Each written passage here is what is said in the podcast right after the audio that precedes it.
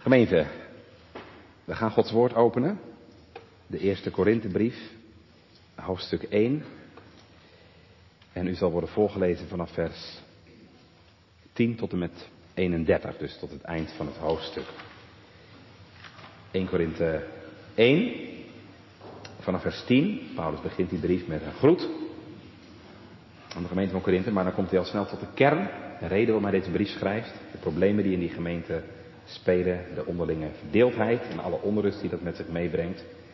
En vervolgens gaat hij dan vanaf vers 18 Christus aanwijzen als de ware wijsheid. We gaan daarvan horen uit 1 Korinthe 1 vanaf vers 10. Maar ik bid u, broeders, door de naam van onze Heer Jezus Christus, dat gij allen hetzelfde spreekt. En dat onder u geen scheuringen zijn, maar dat gij samengevoegd zijt in dezelfde zin en éénzelfde gevoelen. Want mij is van u bekend gemaakt, mijn broeders, door die van het huisgezin van Chloe zijn, dat er twisten onder u zijn. En dit zeg ik, dat een iegelijk van u zegt, ik ben van Paulus, en ik ben van Apollos, en ik ben van Cephas, en ik van Christus. Is Christus gedeeld? Is Paulus voor u gekruist? Of zijt gij in Paulus' naam gedoopt? Ik dank God dat ik niemand van jullie gedoopt heb, dan Crispus en Gaius, opdat niemand zeggen dat ik in mijn naam gedoopt heb. Doch ik heb ook het huisgezin van Stefanus gedoopt. Voorts weet ik niet of ik iemand anders gedoopt heb. Want Christus heeft mij niet gezonden om te dopen, maar om het evangelie te verkondigen. Niet met wijsheid van woorden, opdat het kruis van Christus niet verijdeld worden. Want het woord des kruises is wel degene die verloren gaan, dwaasheid. Maar ons die behouden worden, is het een kracht Gods. Want er is geschreven, ik zal de wijsheid der wijzen doen vergaan, en het verstand der verstandigen zal ik te niet maken. Waar is de wijze? Waar is de schriftgeleerde? Waar is de onderzoeker deze eeuw? Heeft God de wijsheid deze wereld niet dwaas gemaakt? Want na de maal in de wijsheid Gods de wereld God niet heeft gekend door de wijsheid, zo heeft het Gode behaagd door de dwaasheid der prediking zalig te maken die geloven. Overmits de Joden een teken begeren en de Grieken wijsheid zoeken, doch wij prediken Christus, de gekruisigde. De Joden wel een ergernis en de Grieken een dwaasheid, maar hun die geroepen zijn, bij de Joden en Grieken, prediken wij Christus, de kracht Gods en de wijsheid Gods. Want het dwaze Gods is wijzer dan de mensen, en het zwakke Gods is sterker dan de mensen. Want gij ziet uw roeping, broeders, dat gij niet vele wijzen zijt naar het vlees, niet vele machtigen, niet vele edelen. Maar het dwaze der wereld heeft God uitverkoren, opdat hij de wijzen beschamen zou. En het zwakke der wereld heeft God uitverkoren, opdat hij, opdat hij het sterke zou beschamen. En het onedele, het der wereld en het verachte heeft God uitverkoren. En hetgeen niets is, opdat hij hetgeen iets is, te niet zou maken. Opdat geen vlees zou roemen voor hem. Maar uit hem zijt gij in Christus Jezus, die ons geworden is, wijsheid van God en rechtvaardigheid en heiligmaking en verlossing. Opdat het zij gelijk geschreven is, die roemt, roemen in de Heere.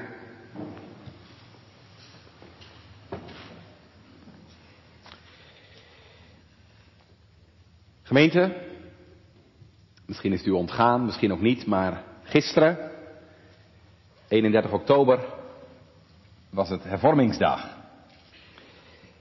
De dag waarop we gedenken dat uh, ruim 500 jaar geleden een jonge monnik in Duitsland, Maarten Luther, zijn 95 stellingen publiceerde op 31 oktober 1517. En die 95 stellingen waren Luthers vlammende protest tegen de aflaathandel. De aflaathandel, de praktijk dat je tegen betaling van geld een aflaatbrief kon kopen. Een brief die je zou helpen om vermindering van je straf over je zonde te krijgen. Ja, mensen in de middeleeuwen, de tijd van Luther, geloofden dat jouw straf verminderd kon worden door wat ze noemden de overtollige goede werken van de heiligen. Die, die heiligen hadden zoveel goede dingen gedaan, die hadden zoveel goede werken gedaan, dat er, ja, als het ware een overschot was. En ja, als jij dan een aflaat kocht, dan konden die overtollige goede werken van de heiligen jou helpen om vermindering van je straf op de zonde te krijgen. En ze noemden dat wel de schat van de kerk. De kerk beschikt over de overtollige goede werken van de heiligen. Maar wat zegt Maarten Luther in zijn 95 stellingen? Hij zegt, de schat van de kerk is niet de goede werken van de heiligen. De ware schat van de kerk is het heilig evangelie van onze Heer Jezus Christus. Dus niet de goede werken van de heiligen, maar het volbrachte werk van Christus. Dat is de echte, de ware schat van de kerk. Nou, bij die schatgemeente wil ik vanmorgen met u stilstaan aan de hand van 1 Korinthe 1. En de tekst voor de verkondiging kunt u vinden in vers 30. Daar vinden we de schat van de kerk. Het heilige evangelie van Christus. Maar uit hem zijt gij in Christus Jezus, die ons geworden is wijsheid van God, rechtvaardigheid, heiligmaking en verlossing. Nou, ik heb als thema voor de preek gekozen Christus alleen, want Christus is alles. Christus alleen, want Christus is alles. u weet misschien wel, de reformatie wordt vaak gekenmerkt, gekenschetst aan de hand van de vijf sola's. Sola scriptura, de Bijbel alleen. Sola fide, het geloof alleen. Sola gratia, genade alleen. Solus Christus, Christus alleen. En dan tenslotte Soli Deo Gloria, God alleen de eer. Nou, vanmorgen gaat het dus eigenlijk gemeente over dat vierde sola. Het solus Christus. Christus alleen. Want Christus is alles. Hij is de schat van de kerk. En in hem word je schatrijk. Ik wil gemeente aan de hand van deze tekst met u stilstaan bij de inhoud van deze schat. Dan gaan we kijken naar die woorden wijsheid van God, rechtvaardigheid, heiligmaking en verlossing. In de tweede plaats staan we stil bij de toegang tot deze schat. Hoe kom je aan deze schat? Hoe krijg je deel aan deze schat? En tenslotte wil ik iets zeggen over de troost van deze schat. De troost die het biedt als je in Christus Jezus bent en deel mag hebben aan deze schat. Gemeente, Kent u het tijdschrift Flow? Ik denk niet dat iedereen het zal kennen, maar er zullen vast wel dames zijn, vooral jonge dames denk ik dan, die de Flow kennen en er misschien wel eens in gebladerd hebben. Flow is een uh, tamelijk populair lifestyle magazine, zoals dat heet. Ik blader er ook wel eens even in om te weten wat mensen nou bezighoudt vandaag, de dag. En het laatste nummer van de Flow had als thema een nieuw begin. Een nieuw begin, ja. Dat is natuurlijk voor een dominee een aansprekend uh, onderwerp, nieuw begin. Het nummer ging over jezelf opnieuw uitvinden. En mensen vertellen in dat tijdschrift hoe ze op zoek zijn naar wat ze dan noemen een betere versie van zichzelf. Dat is echt zo'n uitdrukking van nu. Ik ben op zoek naar een betere versie van mezelf. Mensen ja, zijn vaak ontevreden over zichzelf. Zijn op zoek. Wie ben ik eigenlijk? En ze gaan op zoek naar een betere versie van zichzelf. Nou lijkt dat natuurlijk heel trendy. Maar gemeente, dat is al heel oud. Volgens mij al zo oud als de wereld. Want jezelf verbeteren is namelijk van alle tijden. Weet je wie er ook heel hard mee bezig was? Die ook op zoek was naar een betere versie van zichzelf? Maarten Luther. Maarten Luther was als jonge man ontzettend ontevreden over zichzelf, over zijn leven. En dan vooral naar God toe. Luther had een diep besef dat het ja, niet goed was zoals hij het deed. Een diep besef van zijn zonde. Een besef dat hij niet deugde voor God. En gemeente, hadden ze in de tijd van Luther nog niet de flow. Ze hadden wel iets wat erop leek. En wat ontzettend populair was. Bijna net zo populair als de flow vandaag. Dat was een uitspraak van de Griekse filosoof Aristoteles. En die luidt als volgt. Je wordt goed door het goede te doen. Ja? Je wordt goed door het goede te doen. Als jij het goede doet, als jij probeert goed te gaan leven, zei die filosoof, dan word je vanzelf een beter, een goed mens. Nou ja, dat ging Maarten Luther proberen. Ging het klooster in. Probeerde sober te leven. Veel te bidden. Veel goede werken te doen. Maar het gekke was, hoe meer hij dat ging doen, hoe slechter hij zich voelde.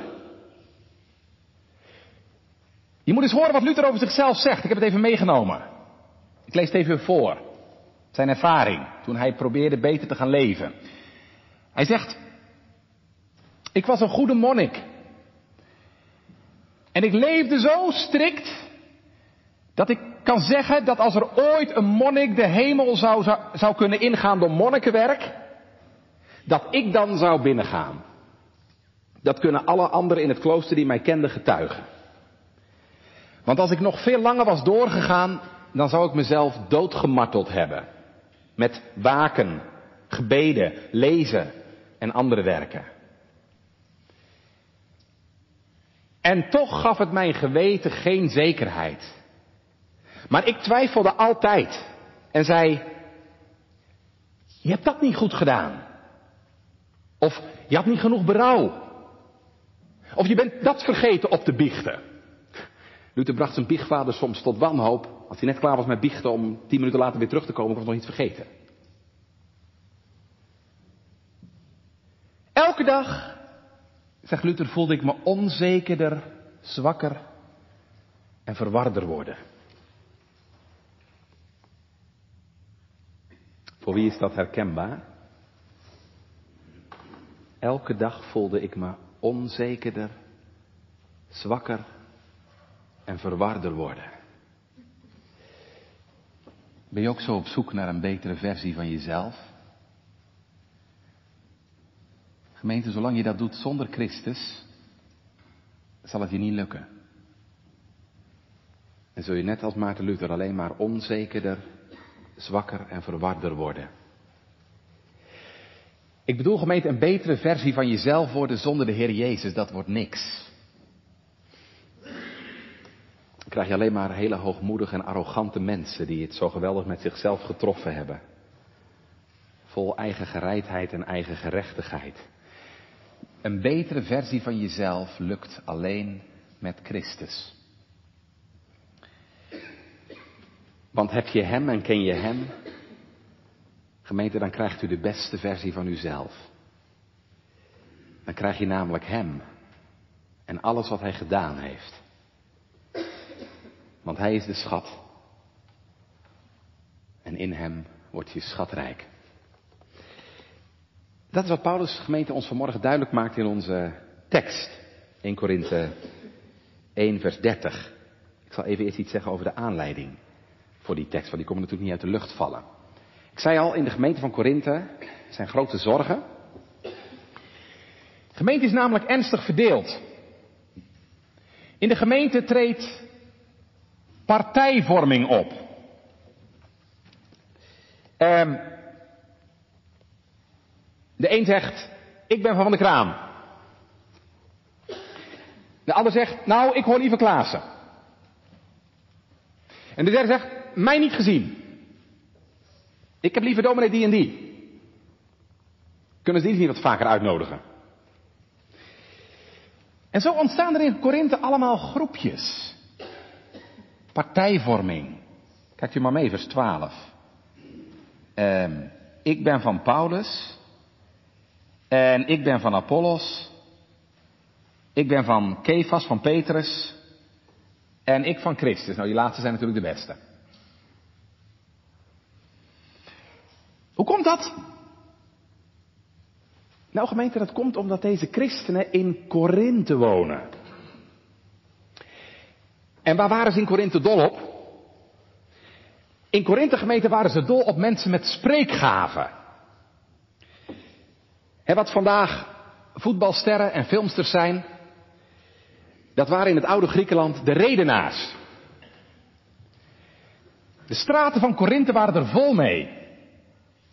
En ja, hoe mooier je kon praten, hoe meer bewonderaars je had. En je snapt, ja, waar je mee omgaat, word je natuurlijk ook mee besmet.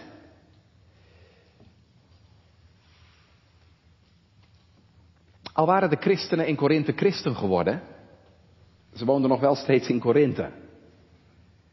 En ze waren dus nog steeds dol op mensen die het goed konden vertellen. Apollos bijvoorbeeld. Apollos, die zo welsprekend was. En velen in Korinthe vonden eigenlijk dat Apollos het toch wel een beetje beter deed dan Paulus. Paulus was niet zo'n preektijger. ze zeggen in die eerste Korinthebrief, Paulus had dat ook aan aan het eind. Nou ja, hij kan wel mooie brieven schrijven. Maar als je hem zo hoort op de preekstoel, moi, valt hij toch wel tegen. Geef mij Apollos maar. Of Klaassen. Of van de kraam. Of molenaar. Zeker nu natuurlijk heel aantrekkelijk. Met een breed aanbod op internet. Je kunt kiezen wat je wilt. Weet je wat Paulus ervan zou zeggen?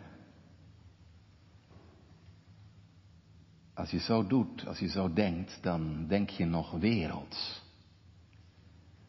Of misschien dan ben je wel werelds. Want is dat waar het om gaat, om mensen? Of ging het om iets anders? Om iemand anders? In Korinthe gemeente houden ze van wijsheid. En van mensen die het goed kunnen vertellen. Nou ja, dat is de wereld natuurlijk, maar dat ze in de kerk zo denken. Ja, maar het gaat er in de kerk vaak werelds van toe gemeente dan je zou willen.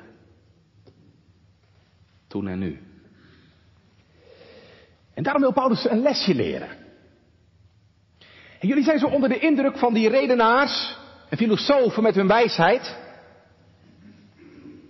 Maar heb je dan niet door dat het bij God om een heel andere wijsheid gaat? Zien jullie dan niet dat God de wijsheid van deze wereld, zegt hij in vers 20, tot dwaasheid gemaakt heeft? God heeft de wijsheid van deze wereld tot dwaasheid gemaakt. He, dus tegenover de wijsheid van de wereld en de filosofie stelt Paulus de wijsheid van God. En die staan diametraal tegenover elkaar. En hij vraagt zich af, in vers 20 en 21, heeft de wereld door haar wijsheid God gekend? Zijn we met al onze wijsheid God beter gaan leren kennen? Zijn we beter gaan leren dienen en aanbidden en vrezen? Nee. Onze wijsheid, gemeente, heeft ons vaak alleen maar eigenwijs, hoogmoedig en trots gemaakt.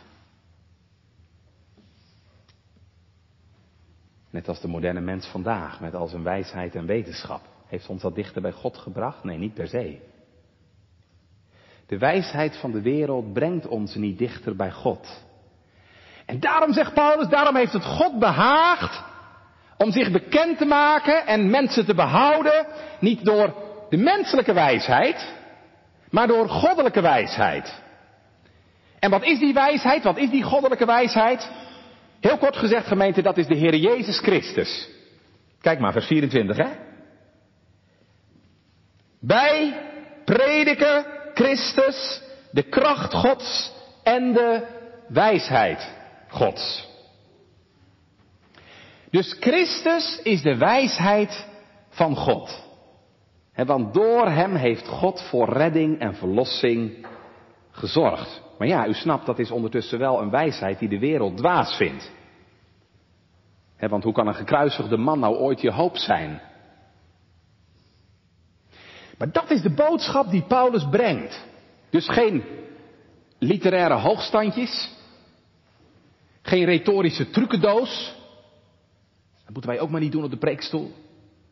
Maar de boodschap van het kruis.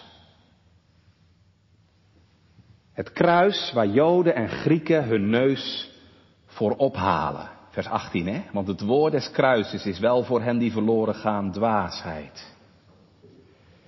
En daarom, lieve gemeenteleden in Korinthe, waarom kijken jullie nou zo hoog op tegen die filosofen en die redenaars? Waarom zijn jullie nou zo onder de indruk van de wijsheid van de wereld, terwijl je de echte wijsheid al hebt? Christus, de kracht van God en de wijsheid van God. Nou, en nu ga ik naar onze tekst met dit stukje achtergrond in ons achterhoofd. Want gemeente, daar zien we dat terugkomen, hè, vers 30. Maar uit hem zijt gij in Christus Jezus, en dan komt het, die ons geworden is wijsheid van God. Christus is voor ons dus de wijsheid van God geworden. Wij hebben dus niet de wijsheid van deze wereld nodig in de eerste plaats, wij hebben Christus nodig. Hij is onze wijsheid geworden. En hoe is hij dat geworden? Nou, dat weten we. Dat is hij geworden door mens te worden. Dat is hij geworden door aan het kruis te lijden en te sterven en zijn leven te geven. Dat is hij geworden door op te staan uit de dood en ten hemel te varen. Zo is hij voor ons Gods wijsheid geworden. Wonderlijk hè? Niet door knappe toespraken of filosofische hoogstandjes, maar in een weg van eenzaamheid, pijn, vernedering en schande is Christus voor ons de hoogste wijsheid geworden. Weet je hoe Luther dat noemde? Dat noemde hij theologie van het kruis. Theologia crucis, theologie van het kruis. Zo heel anders dan de wereld het doet.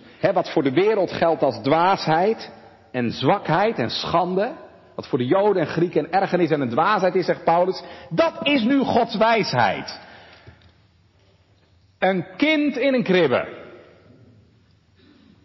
Een man aan het kruis. Moet je daar nou van hebben? Moet je daar nou van verwachten? Ja, dat is nou Gods manier. Dat is nou Gods wijsheid. Zo is Jezus voor ons Gods wijsheid geworden. En daarom hebben jullie niet de wijsheid van de wereld nodig. Want jullie hebben Jezus. Die ons geworden is. Wijsheid van God. Ja, wat houdt die wijsheid van God dan in, gemeente?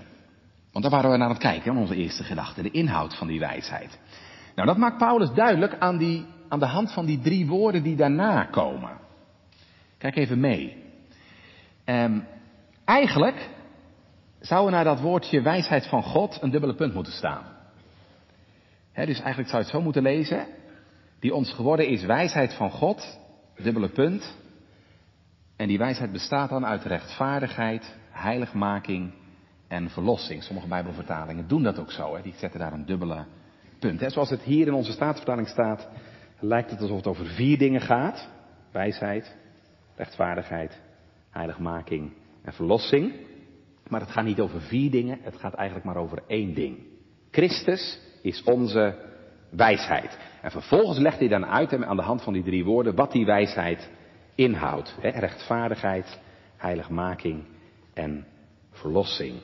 Christus is ons tot wijsheid geworden, want Hij is onze rechtvaardigheid, heiligmaking en verlossing. En ik wil graag even met u naar die drie woorden kijken. En laten we die drie woorden op ons inwerken vanmorgen. He? Want het zijn als het ware drie diamanten waarmee God zijn kinderen, zijn kerk,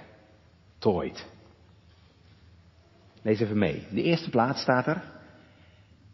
Christus is onze rechtvaardigheid of gerechtigheid. Wat betekent dat? Nou, heel eenvoudig gemeente, u en ik. Wij zijn niet meer rechtvaardig, hè? Nee, wij zijn zondaren. En daardoor staan wij niet meer in de rechte verhouding, in de goede verhouding met God. We zijn schuldig en verloren. En als we dat echt beseffen, dan kunnen we alleen maar van harte meezingen met wat we straks hoorden. Psalm 143. Wil uw knecht door schuld verslagen, o Heer, niet voor uw viers ga dagen, want niemand zal in dat gericht, waar zelfs zijn hart hem aan moet klagen, rechtvaardig zijn voor uw gericht. Maar nou is de Heer Jezus voor onrechtvaardige mensen rechtvaardigheid, gerechtigheid geworden.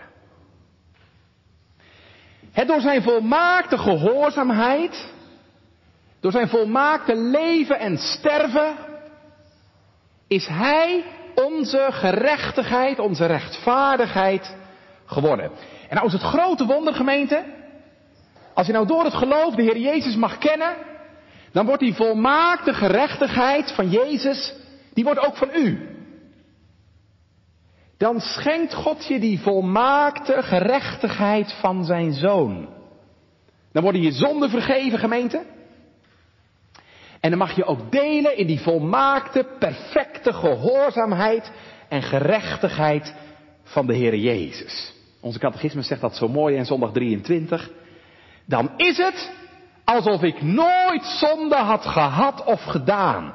Ja, alsof ik zelf alles had volbracht wat Christus voor mij volbracht heeft. Heerlijk wonder. Een gelovige mag delen in de volkomen gerechtigheid van Christus. En dan zijn niet alleen mijn zonden vergeven, maar dan sta ik voor God, hè, zou je kunnen zeggen, alsof ik zelf alles heb gedaan. Wat de Heer Jezus voor mij gedaan heeft. Die perfecte gehoorzaamheid en gerechtigheid van Christus, die wordt mij geschonken en toegerekend. En daarom mag een gelovige zeggen,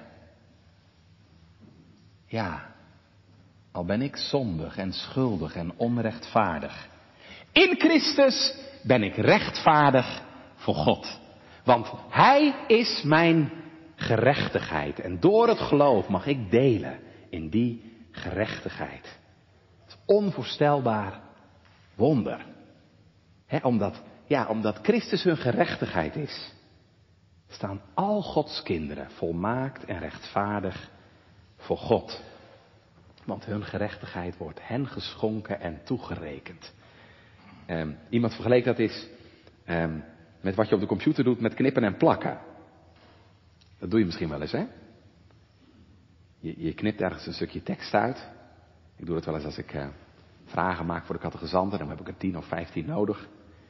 En dan um, ja, kun je zo'n stukje tekst zo tien, twintig keer onder elkaar plakken. Het is steeds dezelfde tekst.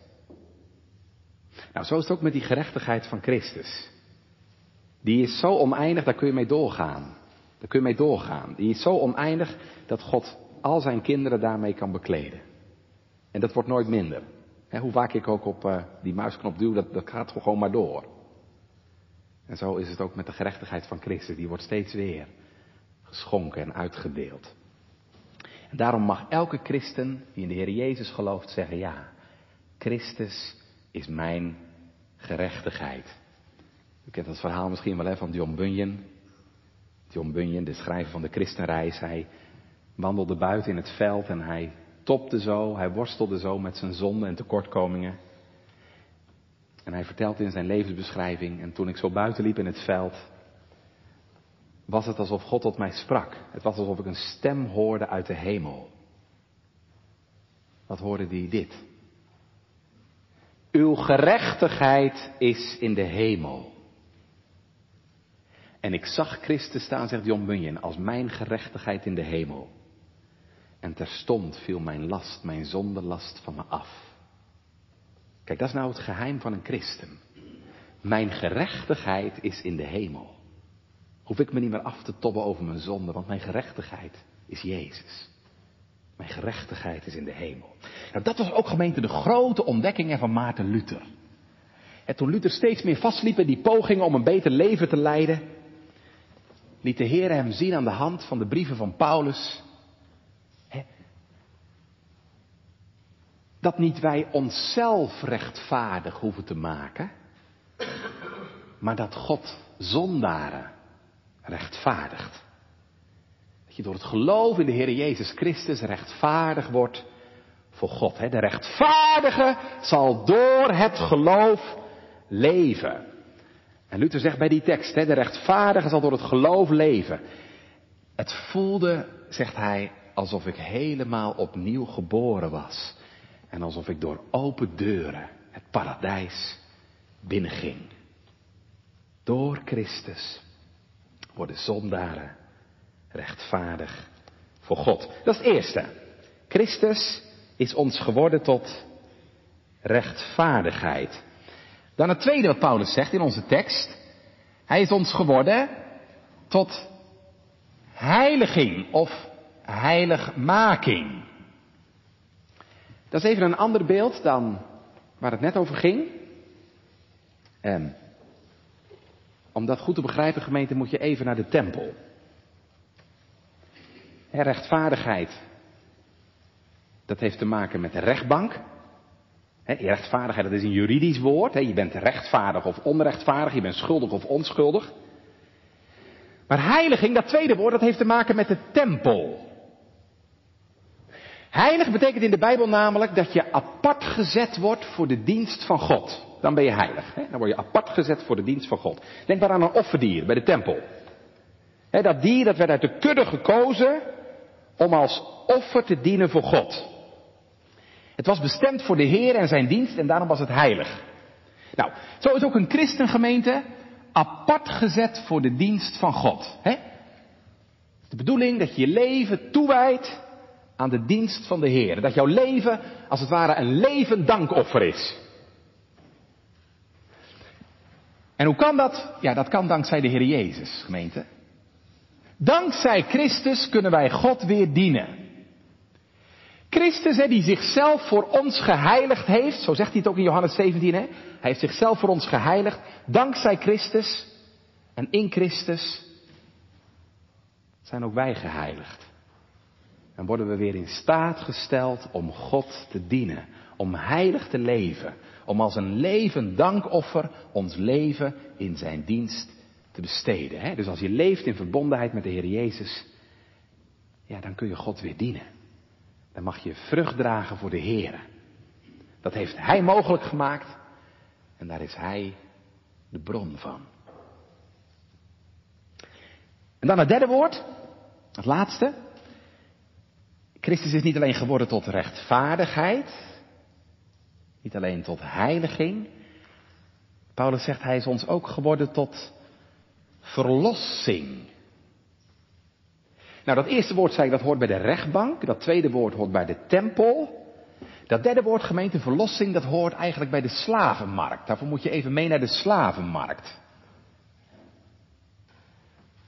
Verlos betekent namelijk, je bent vrijgekocht. Er is een prijs voor jou betaald en daardoor ben je vrij. Denk aan zo'n slaaf en er komt iemand voorbij, het medelijden. Die betaalt dat geld en dan is die slaaf vrij. Het is een prijs voor je betaald, waardoor je vrij bent. Nou, zo heeft Christus zijn kinderen verlost. Hij betaalde de losprijs voor hen. Geen goud of zilver, maar zijn eigen kostbaar bloed. En nu zijn ze vrij. Waarvan? Nou, van heel veel dingen. Je bent vrij van de vloek van de wet, die mij veroordeelde. Je bent vrij van de schuld van je zonde. Je bent vrij ook van de macht en de greep van de zonde. Je bent vrij ook van het oordeel van de dood. Van al die dingen heeft Christus mij verlost. En dat ga je ook merken, gemeente, in je leven. Als de Heer Jezus je verlost. Dan wordt ook inderdaad de macht van de zonde in je leven gebroken. Dan verdwijnt de angst voor de dood. En de vloek van de wet kan mij niet meer bedreigen. Als je weet dat Christus je verlost heeft. want hij droeg de vloek van de wet. En hij brak de macht van de zonde. En hij heeft op Golgotha de dood overwonnen. Dat is allemaal gebeurd op Golgotha. Hè? Daar heeft hij die verlossing teweeggebracht. En daarom zegt een christen, Isaac da Costa, na, in het kruis zal ik eeuwig roemen. En geen wet zal mij verdoemen. Christus droeg de vloek voor mij, heeft gena voor mij verworven. Ik ben van dood en zonde vrij. Nou gemeente, daar heb je de schat van het evangelie. De schat die Maarten Luther ontdekte. De schat die nog steeds schitteren mag. Christus, die ons geworden is tot wijsheid van God, rechtvaardigheid, heiligmaking en verlossing. Nou, gaan we, gaan we naar onze tweede gedachte. We gekeken samen naar de inhoud van deze schat. Letten we in de tweede plaats gemeente op de toegang tot deze schat. Want dat is natuurlijk prachtig, zo'n mooie schat, maar ja, hoe kom je daar nou bij? Hoe krijg je daar nou deel aan? Hoe wordt die schat dominee van mij? Nou, dan gaan we even naar kijken. En dan zet ik even een streep gemeente onder die twee woordjes aan het begin. Het woordje uit en het woordje in. Ziet u ze staan? Het woordje uit en het woordje in. Ik begin even bij uit. Uit hem, zegt Paulus, bent u in Christus Jezus. Uit hem, wat betekent dat? Dat betekent, het vindt zijn oorsprong in God. Het is dus God zelf die ons bij deze schat brengt. Het is God zelf die ons deze schat schenkt en deelachtig doet worden. En dat woordje uit hem gemeente laat zien, het is echt genade alleen. Het is niet alleen maar solus Christus, Christus alleen, maar het is ook sola gratia, genade alleen. Dat zie je in dat woordje uit, uit hem. Het komt bij God vandaan. En dan is er nog een tweede woordje wat belangrijk is en dat is dat woordje in. Uit hem bent u in Christus Jezus. Dus hoe krijg je deel aan deze schat? Nou, uit hem, hè, dus door genade alleen. En vervolgens zegt Paulus, in Christus Jezus. Dus zo gezegd gemeente, de Heer Jezus is de toegangsdeur tot deze schat. En met dat woordje in wijst Paulus ons hier op het grote wonder van de geloofsvereniging met Christus. Gelovigen zijn verenigd met Christus, hebben gemeenschap, staan in gemeenschap met Christus. Kijkt u even terug naar vers 9, daar zie je dat ook, hè? God is getrouw, door wie u ook geroepen bent tot de gemeenschap van zijn Zoon, Jezus Christus. Gelovigen mogen gemeenschap hebben, mogen verenigd zijn met de Heer Jezus. Mogen één zijn met de Heer Jezus. Zoals een man één is met zijn vrouw en een vrouw één is met haar man. Zoals een rank één is met de wijnstok, zo zijn al Gods kinderen één met de Heer Jezus. Geloofsvereniging met Christus. Hè? Zoals die rank wordt ingelijfd in de wijnstok, zo worden ook gelovigen ingelijfd in Christus. Met de bedoeling om één te worden met Hem. Er zitten altijd twee kanten aan, aan die geloofsverbintenis met de Heer Jezus. Aan de ene kant heb je de, de inlijving in Christus. Nou, we zagen net, dat is iets wat God doet. Uit Hem zijt gij in Christus Jezus. God maakt mij los. God maakt mij los van mijn oude leven. Hij maakt je los van je verbinding met Adam, je oude mens. En hij lijft je in, hij ent je in op de Heer Jezus. Dat is de ene kant, dat is wat God doet. En wat ga jij dan doen? Als God je inlijft in Christus. Gemeente, dan gaat u Christus door het geloof omhelzen. He? Zoals die rank zich als het ware vastklampt aan de wijnstok en in die wijnstok wil blijven, zo gaat de gelovige zich vastklampen aan Christus. Dus wat gebeurt er als God je inlijft in Christus, gemeente? Dan ga je in de Heer Jezus geloven en dan ga je aan Hem toevertrouwen. dus als u nou vanmorgen vraagt, dominee, hoe weet je dat nou of je in Christus bent? Hoe weet je nou of je Christus ingelijfd bent? Een goede vraag, dat kun je weten. Gemeente, dan word je namelijk afgesneden van je oude leven. dan kun jij niet meer in dat oude leven van de zonde blijven. Dan worden je zonden je tot last. Je krijgt er verdriet over en berouw.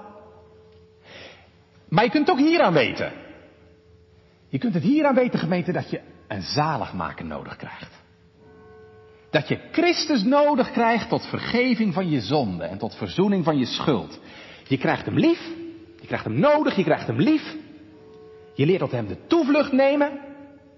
En de Heilige Geest geeft je op zijn tijd ook de vrijmoedigheid om Christus aan te nemen tot je borg en zaligmaker. En zo mag je hem gaan omhelzen door het geloof. En ga je leren om meer en meer op hem te steunen. En zo word je één met Hem. En je leven raakt steeds meer vergroeid met Hem. Kijk gemeente, zo krijg je de toegang tot deze schat. Uit en in. Uit Hem. Door Gods genade. Het is genade alleen. Word ik losgemaakt van mijn oude leven. En door het geloof aan Christus verbonden in Christus ingeleid. En ja, en dan gebeurt er iets heel bijzonders. Weet je wat er dan gebeurt? Dan wordt alles wat van Hem is van mij. Dan wordt al het zijne het mijne. Als u door het geloof aan Christus verbonden bent, dan is alles van Hem van jou. heel die schat waar ik het net over had, rechtvaardigheid, heiliging, verlossing, dat wordt van jou. Concreet, zijn gerechtigheid wordt mijn gerechtigheid. En hij stelt mij in staat om heilig te leven. Mijn leven aan God toe te wijden. En ik mag delen in die verlossing die hij teweeggebracht heeft. Ja, dat is ook zoiets wat Maarten Luther ontdekte. Luther ontdekte dat door het geloof in de Heer Jezus al het zijne nu ook van mij wordt. En Luther gebruikt er heel graag het beeld bij van een arm bruidje. Een arm bruidje die met een rijke prins trouwt. En dan zegt Luther, ja, als dat gebeurt, hè, dat arme bruidje trouwt met die rijke prins, dan is al haar schuld van hem. En al zijn rijkdom is nu voor haar.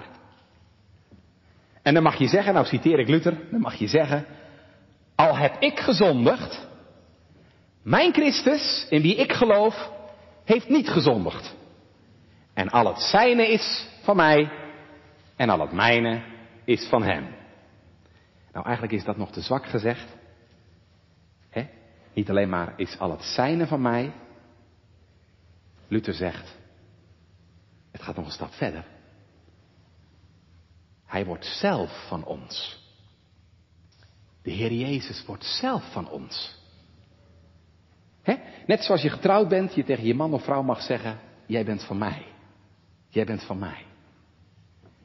Zo is Christus ook zo verenigd met zijn bruid, met zijn kinderen, dat ze mag zeggen, Heer Jezus, u bent van mij.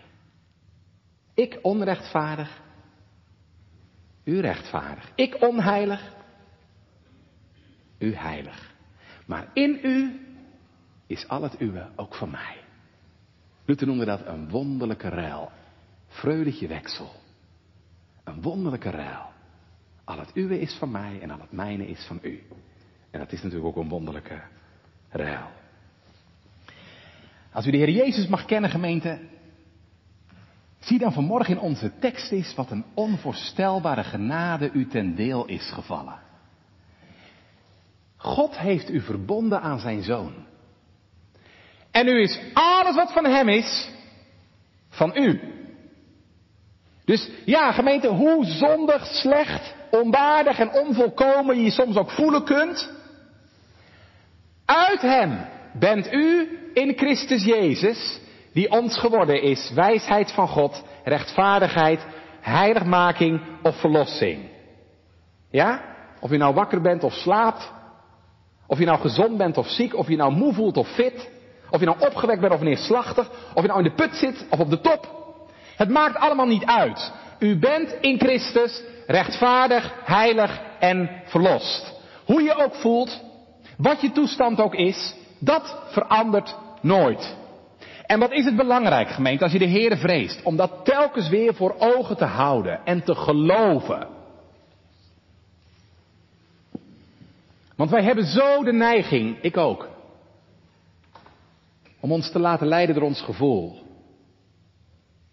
En we zien zo vaak op onszelf. En dan zie ik zoveel bij mezelf, gemeente, wat me verdrietig en moedeloos kan maken. Maar je moet niet op jezelf zien. Je moet op Christus zien. En je mag geloven wat God zegt. Wat God zegt dat waar is. Wat God zegt over zijn kinderen, dat is waar. Rechtvaardig, heilig en verlost. Dat hangt niet af van hoe je je voelt. Dat is waar in Hem. Ik las een poosje terug bij Jerry Bridge. Dat is een paar jaar geleden overleden. Dat hij elke dag begon met deze woorden. 1 Korinthe 1 vers 30. Maar uit God ben jij in Christus Jezus, die ons geworden is. Wat er ook gebeurt in je leven, hoe je je ook voelt, dit is altijd waar. En wat geeft dat een troost en een blijdschap? Dus minder zien op jezelf, minder zien op de omstandigheden en meer zien op wat God zegt. Ik zei, ik begon mijn preek straks, zoveel mensen vandaag zijn ontevreden over zichzelf. Hè? En ze zijn op zoek naar wat ze dan noemen een betere versie van zichzelf. Nou gemeente, stop daar alsjeblieft mee, want dat lukt je nooit. Het wordt met ons echt alleen maar met de dag erger hoor. Er komt elke dag alleen maar meer zonde bij. Dus een betere versie van jezelf vind je nooit. Je kunt beter Christus zoeken. En Christus vinden. Want heb je Hem gemeten, dan heb u de beste versie van uzelf. Ik leer de jongeren op catechisatie op dit moment zondag een van de catechismes. Wat is uw enige troost? Bij in leven en sterven. En dan is het antwoord niet dat ik de beste versie van mezelf heb gevonden. Nee, het antwoord is dat ik niet meer van mezelf ben, maar het eigendom van mijn getrouwe zaligmaker Jezus Christus. Het gaat juist mis zolang je nog van jezelf bent. Je moet van Hem zijn. Want daar alleen vind je de beste versie van jezelf. Want als ik van Hem ben en Hij van mij is, nogmaals, dan is al het zijn het mijne. En ben je in Hem rechtvaardig, heilig en verlost. Nou, beter dan dat kun je toch niet krijgen, gemeente? En beter dan dat kun je toch nooit worden? Dan maakt het niet meer uit wat ik van mezelf vind. Hoe slecht en hoe onvolkomen en hoe onwaardig ik me vaak ook voel. Dan maakt het ook niet meer zo uit wat anderen van jou vinden. Dan mag ik weten wat God van mij vindt. Hij ziet mij in Christus. En als er één ding is wat we mogen weten, gemeente, dan is het dit. Als er toch één is met wie God tevreden is, dan is het toch met Christus. Deze is mijn geliefde zoon, in wie ik al mijn welbehagen heb. En als jij in Hem bent, als u door het geloof aan Hem verbonden bent, dan heeft God een welbehagen. Ook in jou. En als God met u tevreden is, gemeente, dan is het goed, hè? Ja, dan is het goed. Dan is het goed voor tijd en eeuwigheid. Of weet je dat nog niet? Of het goed is? Ja, het is natuurlijk wel heel zwart-wit eh, vanmorgen, gemeente. Het is goed of het is niet goed. Je bent in Christus of je bent niet in Hem. Daar zit geen grijs gebied tussen. en, en als je niet in Christus bent, dan moet je deze tekst omdraaien. Dan ben je dus nog onrechtvaardig, onheilig en onverlost. En al ben je misschien heel tevreden met deze versie van jezelf, ik kan u zeggen dat God het niet is. Maar nou mag ik u vanmorgen preken.